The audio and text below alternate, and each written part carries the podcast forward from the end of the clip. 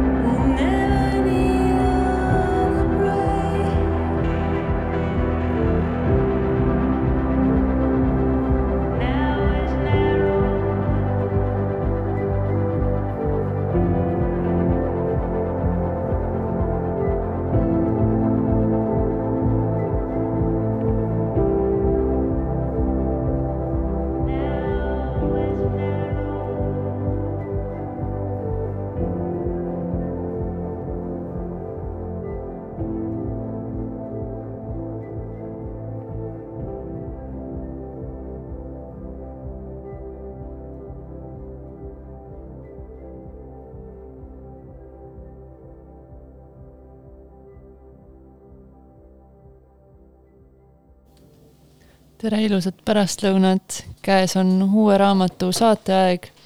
mina olen Triinu ja minu kõrval on Elisa. tšau, tšau. tšau.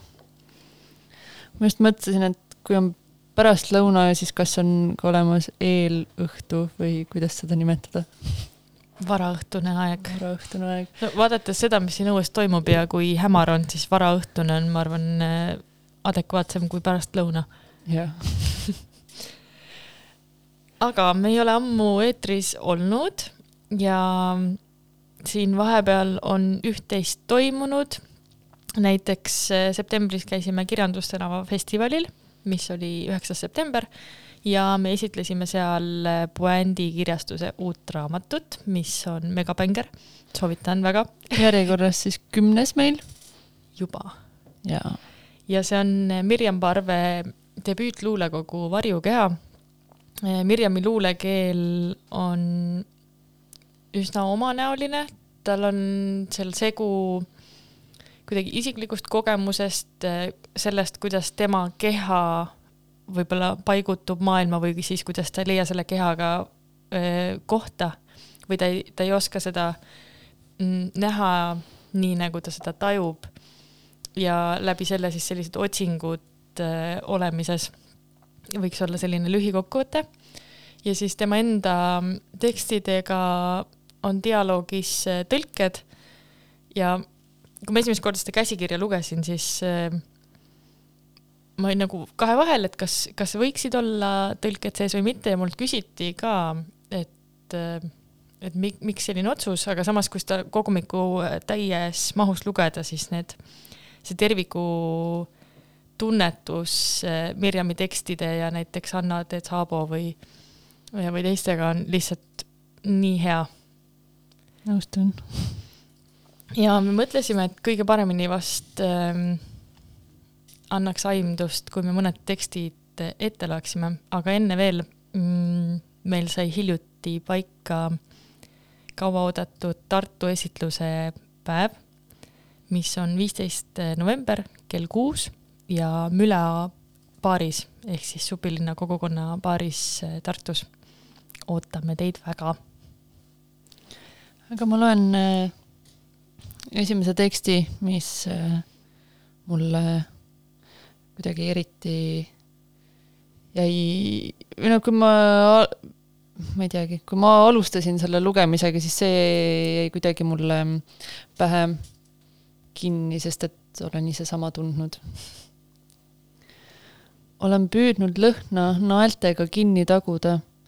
kuidas on võimalik, et ei mäleta ainustki terviklikku lauset, ainult ruumi ja valgust, ruumi ja valguse tunnet, mäletan ainult oma pea seest ja ometi on kõik alles, ometi kõik alles on. mina valisin äh, ette ühe teksti, mis äh, igal lugemisel kuidagi mm, võtab mingi rütmi ja see oli hästi huvitav, et kui Mirjam seda ise ette luges, siis eh, tema rütm oli hoopis teistsugune minu, minu rütmist. nii et ma mõtlesin, et võib-olla kui Mirjam kunagi kuulab eh, seda saadet, siis ta, siis ta saab ühe võimaluse. Eh, siis kuidas, kuidas tema tekstid on oma elu elama läinud. ja selle teksti nimi on Trombotsütopeenia või autoportree kraanikausina. Tühja kraanikausi tunne on selline selge, kauge, nagu näha välguvalgusel oma keha, pikaldast pehkimist, kui midagi täiesti võõrast.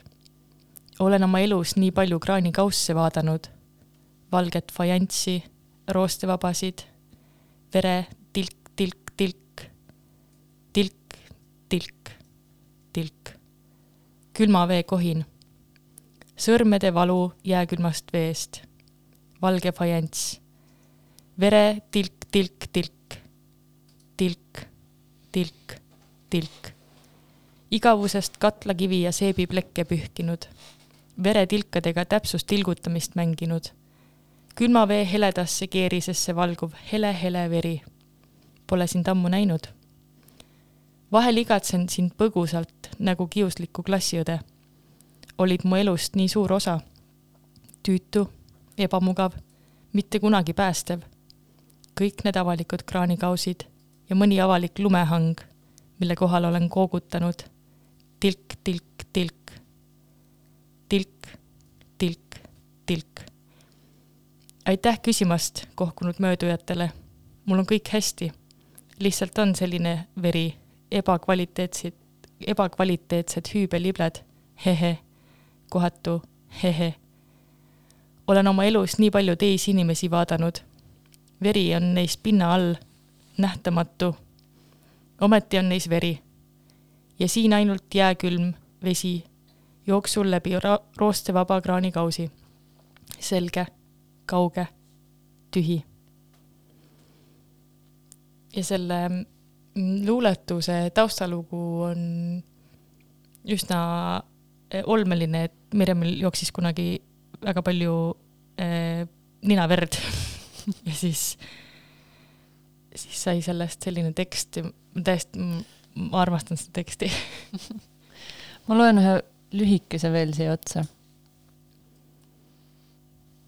ega elu armastada ei pea tähendama kohe eluga voodisse ronida, eluga kokku kolida, lapsi saada, kahe peale pangalaen võtta.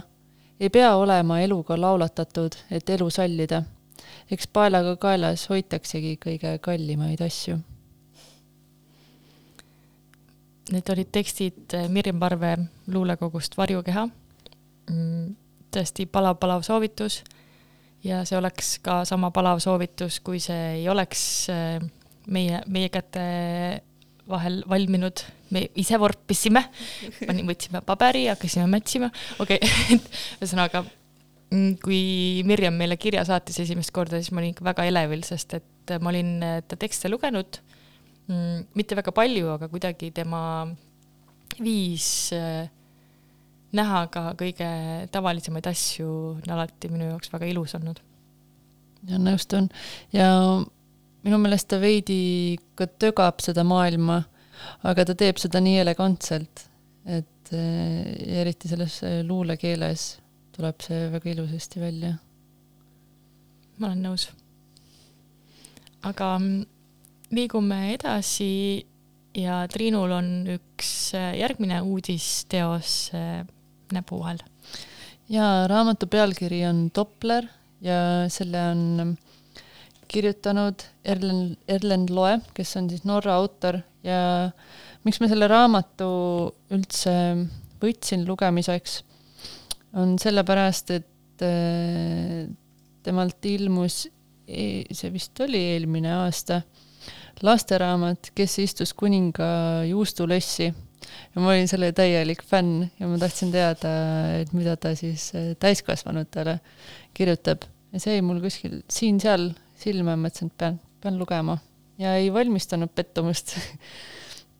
Mm, lühikokkuvõte oleks siis, äh, et ähm, raamatu autor, mitte autor, vabandust, peategelane Doppler on siis selline tubli pereisa, teeb korralikku tööd, sõidab Volvoga äh, on abielus, tal on kaks last ja tal saab sellest kõigest villand.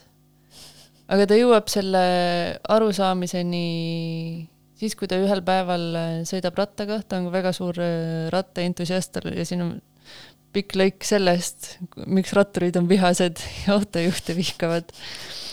aga ta üks päev sõitis rattaga metsa vahel, kukkus, lõi pea ära ja kui ta seal pooloimetuna metsa vahel lamas, siis ta sai aru, et see kõik on nii mõttetu ja ta tahab sellest elust välja astuda. ja ta otsustas, et peab metsa kolima, juhuüksi.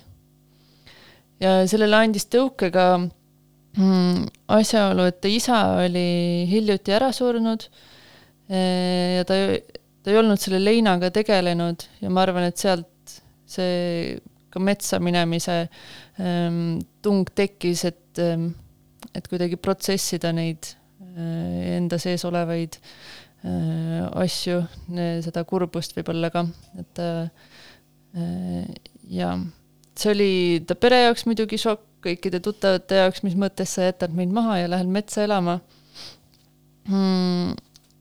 aga seal metsas kohe raamatu alguses ma natuke spoilin ka, et ta tapab ära ühe põdra, mis äh, lihtsalt sellepärast, et tal oleks süüa, aga sellel äh, põdral oli siis ka vasikas ja see vasikas hakkab temaga igal pool kaasas käima ja saab nii-öelda tema sõbraks. ja siis oli äh, väike põdravasikas, kellele ta pani nimeks Bongo. ja siis nad elavad seal metsas kahekesi ähm, tal käivad väga huvitavad nii-öelda mõtteringid ja asjad, materdab meie tänapäeva ühiskonda, kuidas kõik on valesti ja, ja ta tahab äh, ise siis teistmoodi elada ja ma jätan väga palju siit vahele, aga lõpuks tal see nii-öelda õnnestubki, sest et ta inspireerib oma metsas olemisega päris mitmeid inimesi ja ta kogu aeg seal metsas olla ise rõhu-, ise rõhutas, et ta ei taha inimesi näha, talle ei meeldi inimesed, palun hoidke must eemale, aga kõige sellega ta siis inspireeris teisi ja inimesed hakkasid tema lähedale metsa elama tulema, et võtsid ka omale telgi ja tahtsid tema sõbraks saada. aga see on väga selline terav, humoorikas äh, raamat ähm, jah, ma liiga palju ei tahaks ära rääkida, sest et äh, muidu, muidu ei ole pärast põnev. aga see, selline äh,, kui seda lugeda, siis vist saab aru, et on äh, Põhjamaade autor. ma olen viimasel ajal nii palju ka Põhjamaade või Skandinaavia filme vaadanud, et siis see huumorimeel on äh, minu meelest läbivalt sama, kas on raamatud, filmid, et see, ma arvan, meie saame sellest äh, aru veel võib-olla rohkem lõuna pool elavatel inimestel see nii hästi ei toimi. kas see on siis selline mm, ma ei tea, musta ja kuiva huumori mingi vahepealne vorm? tõenäoliselt küll ja, ja ma ise väga naudin seda. aga kui sa ütlesid, et sa, sa tahtsid seda raamatut lugeda, sest sa olid lugenud eh, seda lasteraamatut. laste koomiksiks, ta minu arust on täiskasvanutele ka meeletult naljakas. seda küll, jah et kas see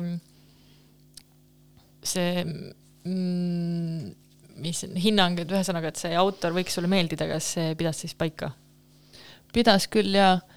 Äh, ma raamatut lugedes ka mõtlesin tegelikult, et siin natukene on sellist mm, nagu lasteraamatu jooni sees, just seetõttu, et ta sõber oli see mm, põder Bongo ja ta rääkis temaga ja ta tahtis tem-, nii-öelda mängis mänge, tegelikult ta ise nagu etendas mõlemat poolt, et tõi, küsis selle põdra käest küsimusi ja siis ta ise mõtles neid vastuseid välja, mida see põder võiks arvata kõigest sellest.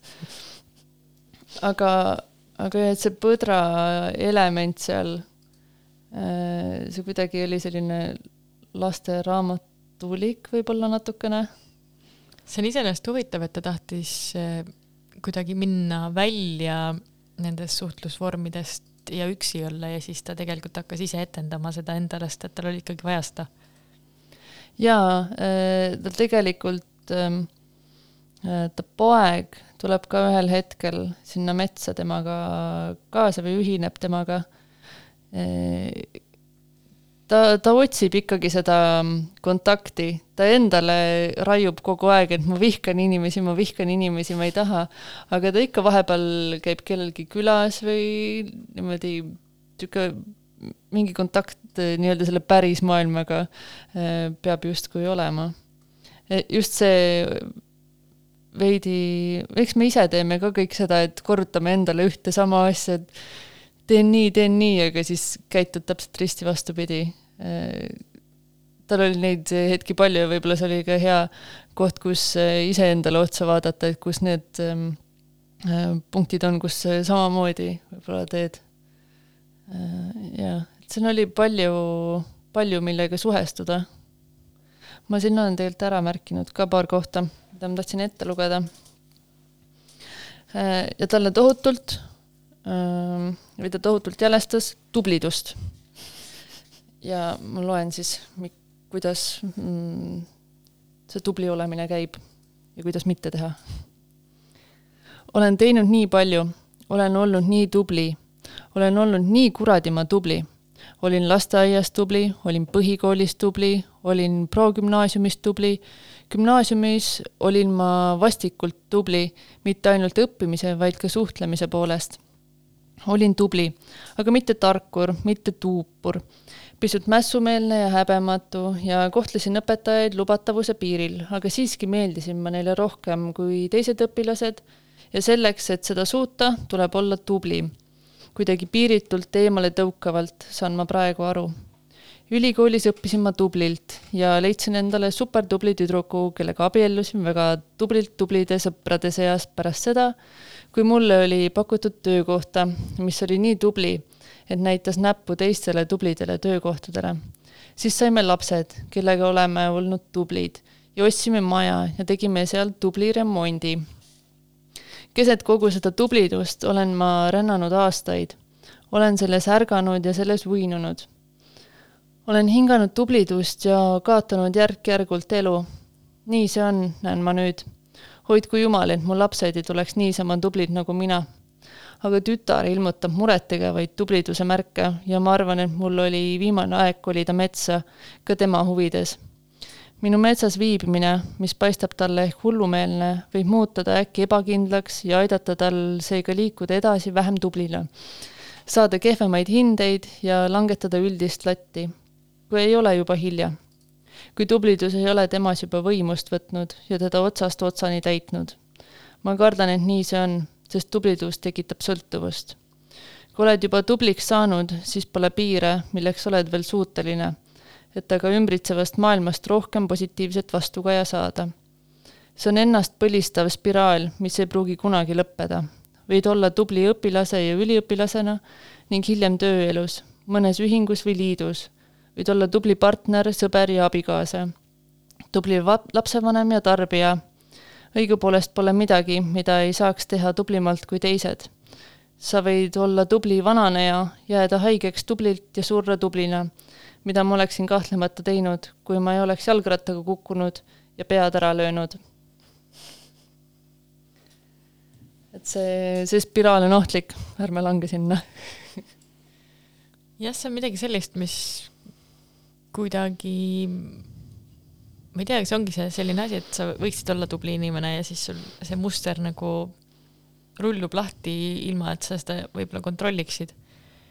või siis see, see vastupidine muster on niivõrd justkui nagu taunitud, et sa kardad erineda.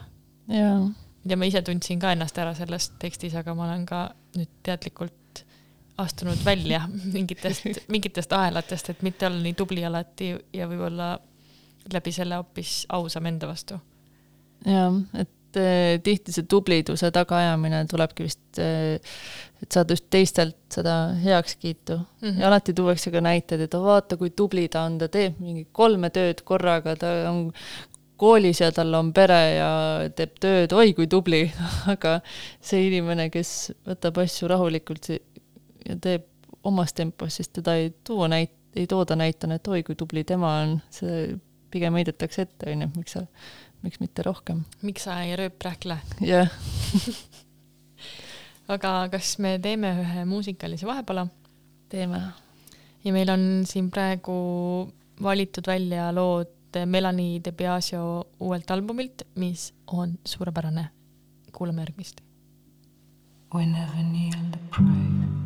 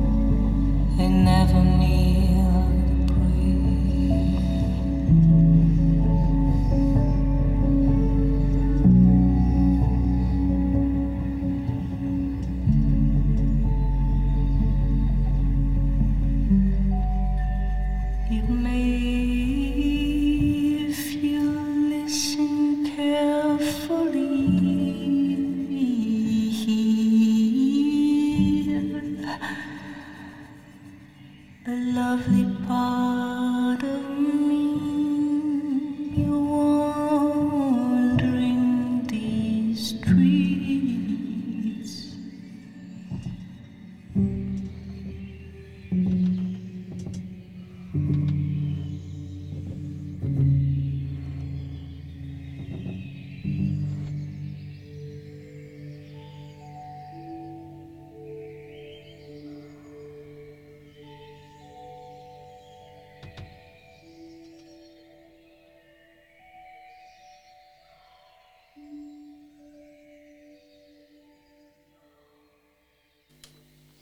Uus raamat on tagasi väikselt muusikapausilt. Elisel on kaasas äh, Loomingu Raamatukogu kuldsarja teos, võib Jaa. meile rääkida. mul on kaasas Karl Mottanderi kulinaarsed vested, mille rootsi keelest tõlkinud Anu Saluäär. ja see on selline legendaarne teos, et esiteks eh, Karl Mottander toimetas siis üheksateist sajandi lõpus ja kahekümnenda sajandi keskpaigani ja natuke peale aga ühesõnaga, ta on ähm, Rootsist pärit äh, meesterahvas, kes äh, üks hetk asus elama Tohisoo mõisa, tegelikult küll Tohisoo mõisa kõrvalhoonesse, et äh, nad päris mõisahoones kunagi ei elanudki. aga tema kallis kaasa, keda ta täpselt niimoodi kutsubki, kallis kaasa, oli Tohisoo mõisa paruness Benita Wrangler.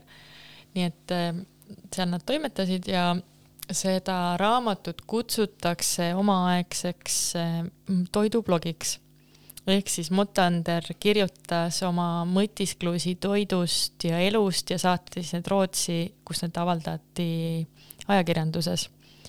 ja siin on siis eh, nad kokku pandud raamatuna. ja ma ütlen esiteks ausalt, et kui ma seda lugema hakkasin, siis mulle üldse ei meeldinud. Ja siis see kasvas mul nii, et lõpuks ma ikkagi nagu naersin kaasa ja sain täiesti aru, miks see on inimeste absoluutne lemmikraamat. ta ei ole kunagi mu lemmikraamat äh, tõenäoliselt, aga, aga ma sain, saan sellest võlust täiesti aru. et miks ta mul alguses äh, närvidele käis, on see, et äh, minu arust kas esimene või teine sissekanne on siis sellest, kuidas hommikusöögi ajal tema kallis kaasake talle võileivakesi valmistab ja kuidas ta siis neid sööb ja siis mul käis see nagu ilgelt närvidele, et see, see kallis kaasa neid võileivakesi talle seal vorpima peab. et kui sul on kõik asjad ees, et siis miks sa ei pane ise seda leiba ja ma ei tea, mis sinna peale. et ühesõnaga see, kuidas ta seda kirjeldas, oli selline mm, sellisel viisil, et see ei meeldinud mulle. aga ma pean muidugi tunnistama, et see on noh, oma aja märk võib-olla, et see, kuidas ta mingeid suhteid äh, kajastas ja, ja võib-olla hiljem äh, ma sain ka aru, miks ta seda nii tegi, sest äh, ühes kohas tuleb ette ka selline koht, kus ta ütleb, et ja ma tean küll, et arvatakse, et ma olen oma kalli kaasa tuhvlialune, aga see ei ole nii. siis ma saan aru, et tegelikult seal on mingisugune mm, mitte võimumäng, aga ta tahab ennast ka näidata maja mehena või see, kellel on püksid jalas, kuigi tegelikult oli tõenäoliselt see paruness siis see tegelane, kelle, kelle jalas püksid olid selles majapidamises. et ta üritab seda kuidagi mm, siluda. aga mm, Motander äh, armastas söögi tegemist ja tihti oli vaja võõrustada inimesi, kelle tulekust nad ei teadnud äh, või siis said teada üsna väikese etteteavitusajaga, siis tal oli kombeks natukene mediteerida selle üle, et mis meil siis kapis on, mida sellest valmistada saab. Ja siis järgnevadki kirjeldused sellest, et mis sellest tulema hakkab, kuidas neid valmistatakse ja ja mis siis lõpuks see serveering on ta peatub pikalt ka sellel, kuidas teha parimat kohvi ja siis ta läbi raamatu ütleb, seda kohvi tegemise retsepti te juba teate, iga kord on seesama ja alati tehke sedasama, sest see on parim ja kõik ütlevad, et see on parim. see on põhimõtteliselt siis äh, äh, nii-öelda Türgi kohv, aga ta kirjeldab täpselt seda, kuidas tema seda keetmisprotsessi läbi viib. mis on üsna sarnane sellele, kuidas äh, ma üks pool aastat tagasi vaatasin ka, kuidas see protsess peaks olema, sest et mul ibrik kodus oli ja Gruusias ma eelistasin ka seda kohvi tegemise viisi, võid seda, seda tellida kohvikutest. ja siis seal soovitatakse leiget vett, aga Motander ütleb, et raudpolt peab olema külmvesi, kui sa seda protsessi alustad. ja mis selle raamatu juures veel lahe on see, et ta on selline sassy, et ta ta on küll nagu tubli eh, sõber ja pereisa, aga siis sinna juurde käib kogu aeg mingi selline, et peame ikka kallile onklile pugema, et ta me oma testamendis meid hea sõnaga meeles peaks mingid sellised asjad. ja siis saad aru, et okei okay,, et äh, kuidagi ikkagi inimene või et ta ei ürita ennast äh, paremaks teha, kui ta on. ja see on äh, väga tänuväärne minul äh, tekkis sellele küsimus, et kas sa tead, kas kuskil on neid retsepte veel kui need, mis äh, on tolles raamatus kokku pandud, sest et seal on ka vist ju ainult osad ja kuna mul Veika luges seda ja siis ta tahtis kõiki neid kohe järgi teha ja kuna ta on väga suur toiduarmastaja ka, siis äh, ma tean, et tegelikult see küsimus on tema poolt. et kas, kas neid on kuskil veel? Tead, see on hea küsimus, sest et see raamatuna ongi selline vihikuke, et ta on minu aga teada ta... tõlgitud mm. täies mahus, aga võib küll olla, et kuskil Rootsi ajakirjanduse arhiividest leiaks veel neid. sest et ta kirjutas just neid äh, ajalehele mm, -hmm. ajakirjale, ajalehele, jah. et äh, mõtlesingi, et need seal äkki, äkki neid on veel ja kas neid on üldse tõlgitud, aga tõlgitud vist kindlasti ei ole siis, tõlgitud äh, minu teada ei ole mm. -hmm. aga tead, see on väga hea küsimus. et ma ikka mõni paar korda kuus äh, põrkan selle tõlkijaga kokku, siis äh, proovin meeles pidada, et talt küsida. et Ja- inimestel on suur huvi, palume veel. jah, retsept, vanade mõisaaegsete retseptide raamatut. ja see on tõesti selline raamat, et seda ei tohi tühja kõhuga lugeda. Sest et isegi kui sa, kui on mingisugused asjad, mida ta kirjeldab, mida sa ei taha süüa, siis sa mõtled söögile igatahes ja kuidagi see, see, kuidas ta kirjeldab seda teguviisi, paneb kõhu korisema. et äh, väga mõnus lustakas lugemine, täiesti selline ühe istumise tükk. et kui keegi tahab äh, lihtsalt midagi võib-olla vahepalaks ampsata ja ta on täiesti ideaalne kingitus, kui te otsite, ma ütlen selle hirmsa sõna, jõuludeks kingitust, siis see on täpselt see raamat, mida kinkida. ja inimesele, kellele meeldib toit ja toidu tegemine, ma arvan, neile läheb see eriti korda, kes peavad toidust lugu. absoluutselt. kas sul on äh, üks raamat, millest võib-olla on keeruline rääkida, sest et ta on väga visuaalne, aga proovi. Ja äh, raamatu ja tegelikult ka mm, siis Instagrami konto ja äh, ja siis kinnisvara mm, lehekülje äh, äh, nimi on The Modern House, võib-olla olete kuulnud, näinud ja raamat ise on The Modern Way to Live uh,. Five design principles from the modern house. ehk siis tegu mm,. ma hakkan algusest peale, et kust see, kust üldse see The Modern House tekkis, ehk siis kahe tuhande viiendal aastal äh, siis kaks sõpra mm, asutasid oma siis nii-öelda kinnisvaraportaali laadse lehekülje, kus nad tahtsid inimestele näidata ja siis, või siis edasimüügiga või aidata müüa maju ja kortereid, mis on öö, teistsugused, mis on öö, mõttega disainitud, projekteeritud, kus on ägedad detailid sees. ja kuna nad ise on arhitektuuri ja interjööridega olnud varasest ajast tugevalt seotud, et siis nad nad teadsid, mis on hea maitse ja et kuidas seda hästi nii-öelda teostada. Ja mm, nende lehe kaudu müüdavad objektid siis olid tavalisest turuhinnast või no kui, kui seesama äh, korter näiteks oleks olnud müügis, toome siin näite umbes kv.ee-s, et siis eh, oleks selle korteri eest saanud kuskil kolmkümmend protsenti vähem. aga nad te tekitasid niisuguse prestiižse lehekülje ja need inimesed, kes eh, tahtsid endale erilist kodu, olid nõus ka selle eest rohkem maksma ja siis sealt kuidagi see niimoodi keris, et eh, nad läbi selle õpetasid ka inimesi, et mis on hea disain, milline on eh, ilus interjöör. ja siis sellest kasvaski välja selline nagu kultusasi ja mm, ja nüüd nad, nüüd neil on ka Instagrami konto ja kindlasti teisi kontosid veel, mida, mida me ise ei jälgi.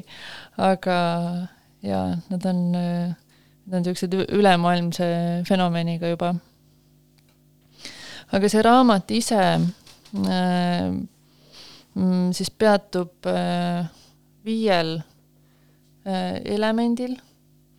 ma nüüd mul peast läksid need ära, aga nii, aga need olid umbes eh, no, valgus äh,, siis ruumikus äh,, siis materjalid, oota, vaatame nii, ja loodus ja siis äh, dekoreerimine. ma ei tea, kas sai need viis kokku, võib-olla sai, ma ei mäleta, mis ma ütlesin ega see, siin on küll äh, palju illustreerivaid pilte, aga see jutt nende vahel on isegi veel mõnusam, sest et äh, mm, poetakse inimeste kodudesse ja seal on intervjuud äh, koduomanikega ja puuritakse päris sügavale, miks ja kuidas on tehtud ja kodude saamislood ja see, kuidas inimesed välja toovad, äh, mis tundeid nendes äh, mingid objektid äh, tekitavad, et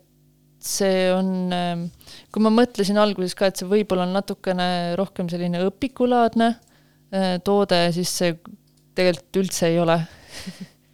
See on väga toredad kodude lood, hästi palju on neid siin sees. Ja üks halb asi on, et sa tahaksid kogu aeg Google'it enda kõrval hoida seda raamatut lugedes. et kui nad kirjeldavad maju, siis tahad kontrollida, milline see täpselt välja näeb, et siis tahaks kogu aeg guugeldada, millest jutt käib. see, ma pole ammu kuidagi nii rahustavat asja lugenud ja see tegi kuidagi olemise hästi soojaks seest ja pani ka mõtlema selle peale, või noh, teadsin seda ka enne, et kuidas kodud siis ikkagi peegeldavad inimeste siseelu väga tugevalt. ja et kui sa lähed kellelegi külla, siis sa tegelikult kohe saad aru, mis, mis isikutega, isiksustega tegu on. aga kui nüüd mõelda, et sa ise ehitad äh, ka maja ja toimetad, siis kuidas see sinu, ma ei tea, mingid mõtteid on muutnud või, või inspireerinud või on sul, on sul mingisuguseid mõtteid selles osas tuua? ma arvan, et see ei, ei ole väga palju muutnud, sest et ma olen ka need äh, põhiprintsiibid, mis siin välja tuuakse, no need valguse materjalid ja rõhutatakse ikkagi, et kuidas naturaalsed materjalid on need äh, kõige paremad ja õigemad ja toovad ka näiteid äh, teadusuuringutest, et kuidas ähm, Äh, lihtsalt puitesemete, mööbli katsumine versus siis mingi võltsmaterjalist tehtud, see, et kuidas puidu katsumine siis mõjutab meie stressitaset, et kui sul on kodus head materjalid, siis see, siis see mm, peegeldab sinusse sisse ka, et teeb olemise etemaks ja mm, üks asi, millele nad äh, siin rõhusid, on ka äh, puudutus. ehk siis, et äh, tänapäeval maju projekteerides just suuremaid maju mm, või kontoreid näiteks projekteerides ei ei pöörata nii palju siis selle puudutuse aspektile tähelepanu ja kõik üritatakse teha hästi ökonoomne, kõik on mingisugune niisugune liiga Exceli tabel, ütleme nii. kuidas meil on äh, vaja just erinevaid pindasid, erinevaid tekstuure, et kui meil on kõik liiga sile ja selline mm, liiga kliiniline, et siis see, see ei mõju, mõju meile hästi. see on see hotelli efekt, et sa lähed ruumi, mis on täiesti isikupäratu. tihti, sest et kui võtta nagu niisugune stamphotell, mis ta on lihtsalt valged linad, voodi, IKEA kapp, IKEA peegel et selline ja kahjuks on see juhtunud ka Airbnb-dega, et sa ei saa minna tegelikult vaadata nagu midagi huvitavat, vaid see on kõik yeah. üsna sarnaseks läinud väga,. väga-väga sarnaseks on läinud ja võib-olla see raamat selles mõttes inspireeris mind, et äh, ähm, kuna, kui ma ise olin äh, võib-olla mõned kolmed-neljad, viied aastad tagasi äh, ka minimalistlikuma niisuguse mm, äh, sooviga, siis nüüd äh, ma tahan aina ema, enam midagi veidrat, midagi teistsugust, sellist, mida teistel ei ole, et et just, ähm, et kõik ei oleks nii täpselt samasugune, et kui sa vaatad uusarenduste äh, näidiskortereid, okei okay,, ma saan aru, et see näidiskorter peab võimalikult paljudele meeldima, aga no nii kuramuse igav. Ja, ja tõesti see Airbnb näide ka, et äh, oled sa Eestis äh, oled sa Taanis või oled sa ähm, Austraalias, Indoneesias, mis iganes, kõik on täpselt sama maitse järgi tehtud see on Jah. üsna kurb jah. ja see on ähm, kuidagi ka see, mis sa rääkisid sellest tublidusest äh, esimese raamatu juures, et see, see on see, mida sa justkui pead taga ajama, et ma olen paar korda isegi ehmatanud, et ma ise elan ähm, korteris, mis on seitsmekümne viiendal aastal ehitatud, seal on hästi huvitavaid nagu, nagu huvitavaid selles mõttes, et kummalisi valikuid tehtud remondi osas, aga need olid need asjad, mis kättesaadavad. ja need asjad toimivad siiamaani mm,. aga siis mult küsitakse, et äh, millal siis remonti teete? aga noh, tegelikult see kõik toimib ja kuidagi see, sa paned selle nagu elu sinna ümber elama ja siis ma pigem eelistan seda, mis näeb võib-olla veidi kummaline välja sellele, et ta on täiesti nagu euroremondi sile, mm. -hmm. mis äh, on üks, nagu me juba jõudsime sinna, et üks hirmsamaid asju.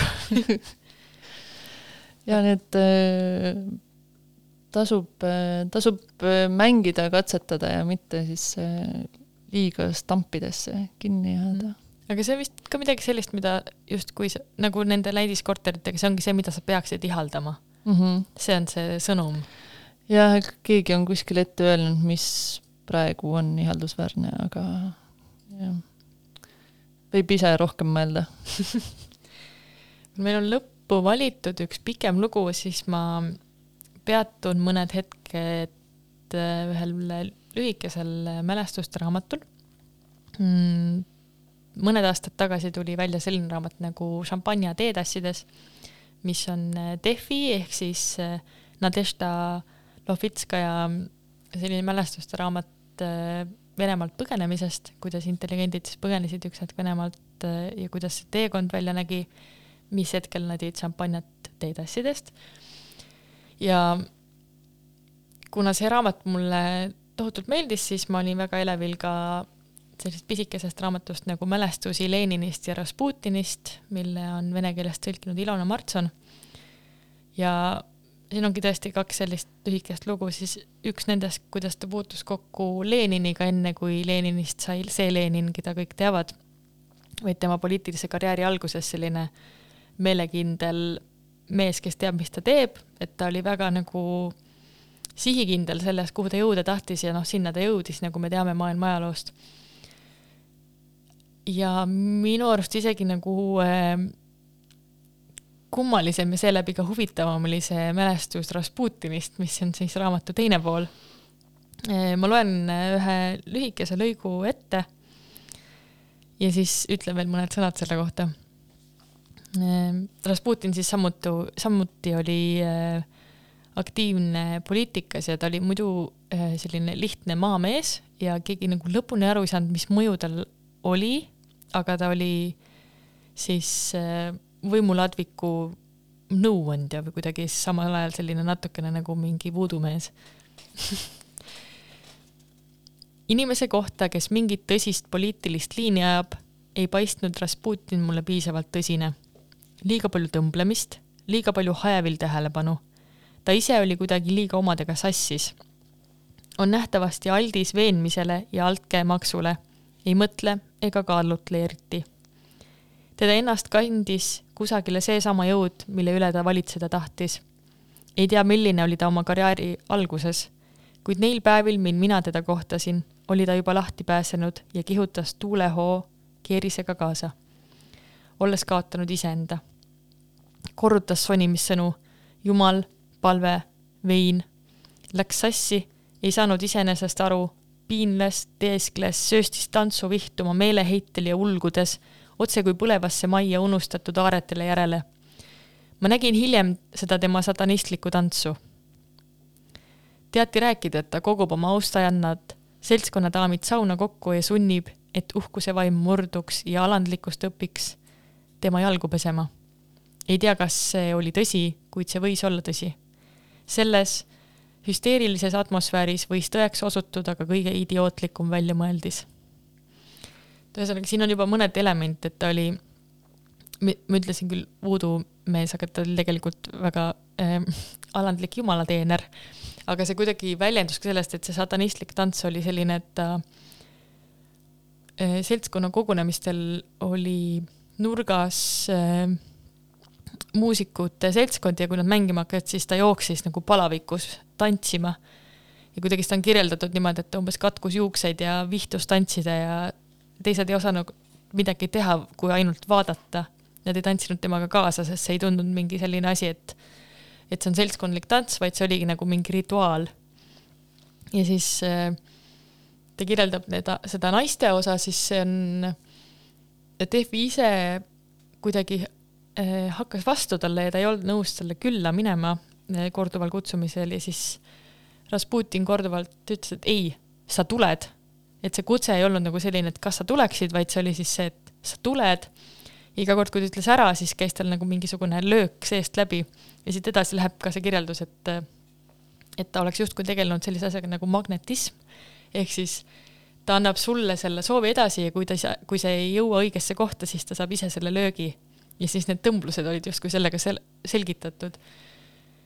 Ühesõnaga väga kummaline meesterahvas oli ja siit üksjagu siis eh, mm, saab lugeda nende suletud uste taga toimunud kogunemiste kohta ja kuidas inimesed eh, tahtsid sinna kutsutud saada, inimesed, kellel oli midagi võita sellest, inimesed, kes siis olid lihtsalt uudishimulikud nagu Defi ja mm, ja kuidas, ma ei tea, Defi lugedes ongi see tore, et ta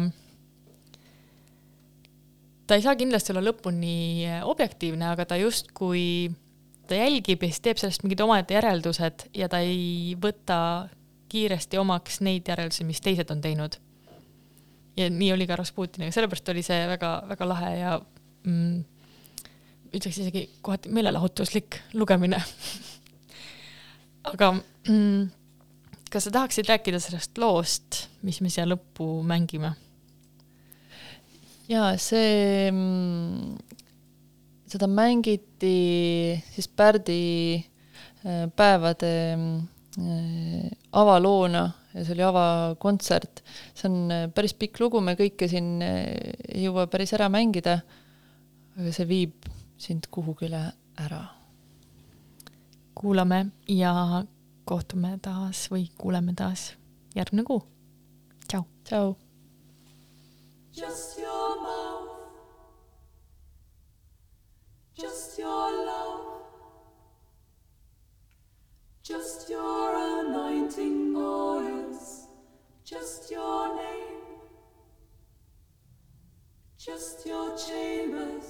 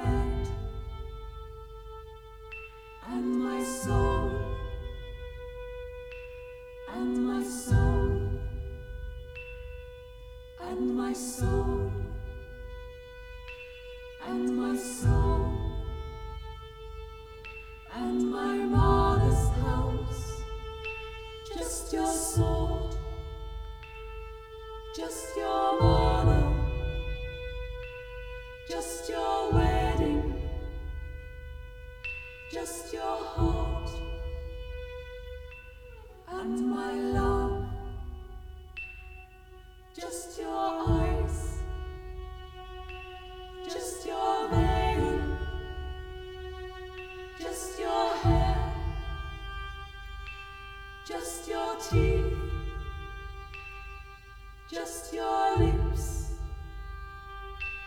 just your mouth, just your cheeks, just your veil, just your neck, just your tooth.